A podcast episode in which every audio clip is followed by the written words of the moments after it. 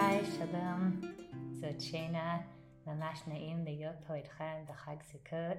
היום אנחנו נדבר על יוסף, על הדמות החזק של יוסף ועל היכולת של כולנו לבחור בדברים טובים בחיינו.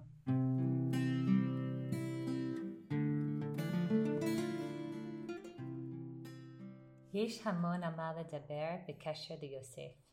חז"ל אהבו לקרוא אותו יוסף הצדיק, כי הוא הצליח להתגבר על יתרו מול אשת פוטיפר. זה דבר לא פשוט בכלל, אישה עם כוח וכסף שהייתה מפתה, מושכת, בחור רווק, רחוק מביתו, שאיבד את הכל. אבל אני רוצה היום להתייחס לתהליך אחר שיוסף עבר. יוסף התחיל כנער שהיה מעצבן את אחיו, אפילו פוגע, משתף חלומות שבהן הם משתחווים לו. ואז כתוצאה מהכל הוא סבל שנים במצרים. הם מכרו אותו, הוא היה שם לבד, אפילו נכנס לבית הכלא. שנים עד שהוא הצליח. ורק אז, כאשר הם ירדו מצרימה, אחרי הכל, הוא היה יכול להישאר כועס ולחפש סיבה והזדמנות לנקום. אבל הוא לא. אחרי שהוא בודק שהם גם עברו תהליך, הוא ממש סולח להם. אבל הם פשוט לא מאמינים לו. הם מפחדים שהוא רק מחכה שאביו יעקב ימות, ואז הוא ינקום. בפסוקים בסוף ספר בראשית, סוף פרשת ויחי, פרק נ', אנחנו רואים את התגובה של אחיו של יוסף אחרי שיעקב נפטר. בפסוק ט"ז, ט"ו זה כתוב, ויראו אחי יוסף כמת אביהם. ויאמרו, לו יסתמנו יוסף, והשב ישיב לנו את כל הרעה אשר גמלנו אותו.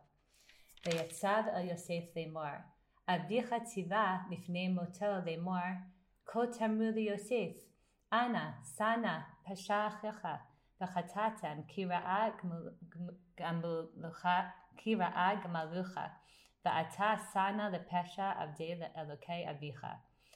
מיוסף שומע את הדברים האלו והוא יודע שזה לא נכון כי הוא יודע שהוא לא סיפר לאביו מה קרה. הוא יודע שהוא לא יודע מה אחיו עשו לו ובגלל זה הוא בוכה. ויף יוסף בדברם אליו, כי יוסף מבין שאחיו לא מאמינים לו, הם לא מאמינים שהוא מכר להם, הוא לא מאמינים שהוא סלח להם, והוא בוכה על זה שהוא רק רוצה קשר. ואחרי שהוא מפסיק לבכות, ויאמר עליהם יוסף, אל תיראו, כי התחת אלוקים אני, אתם לא צריכים להיות בפחד, כי מה, אתם חושבים שאני אשם? את, אתם חושבים שאני באה עכשיו לעשות איזשהו דין וחשבון איתכם?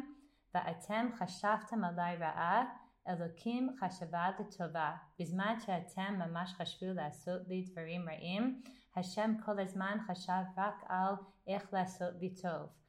למען נעשו כיום הזה לתחיית עם רב.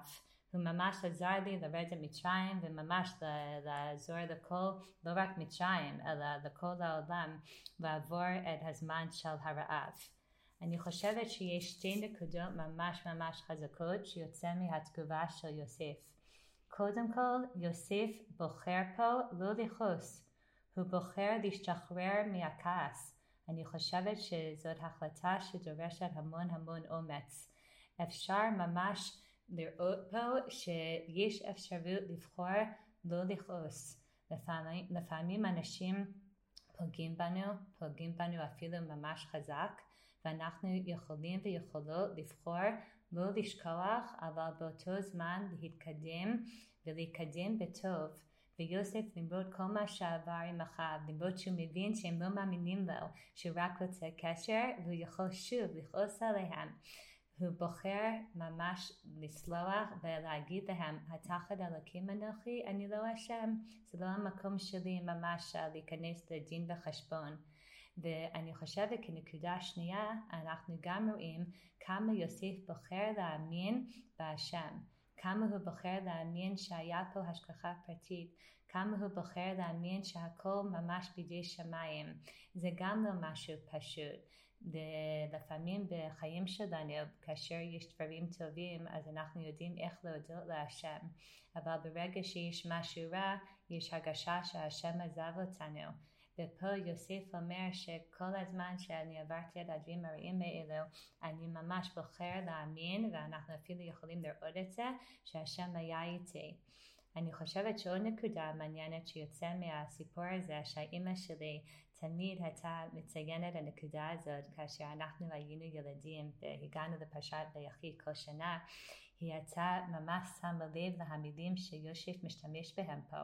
הוא אומר, אל תראו כי התחת אלוקים אני. הוא פונה אליך ברגישות ואומר להם, אני לא אשם, את, אתם לא צריכים להיפחד.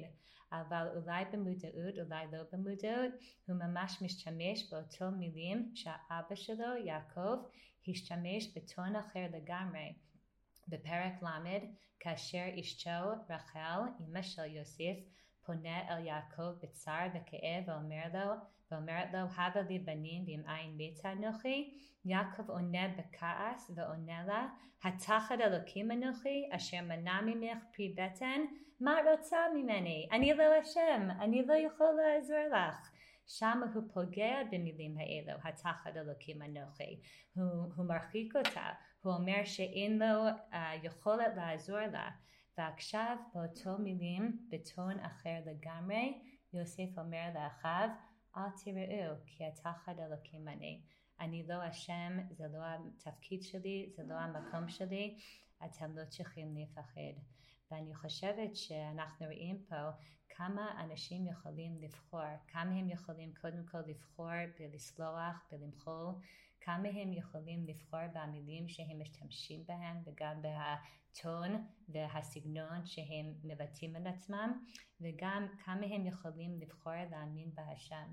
בחג סוכות שזה ממש חג של אמונה אנחנו יוצאים מהבית, בוחרים ממש לסמוך על השם, להגיד לו שאנחנו מאמינים שהוא איתנו אחרי הימים נוראים וימים ממש כבדים של תפילה וצום.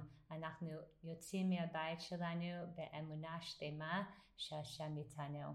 שיהיה לכולנו חג שמח.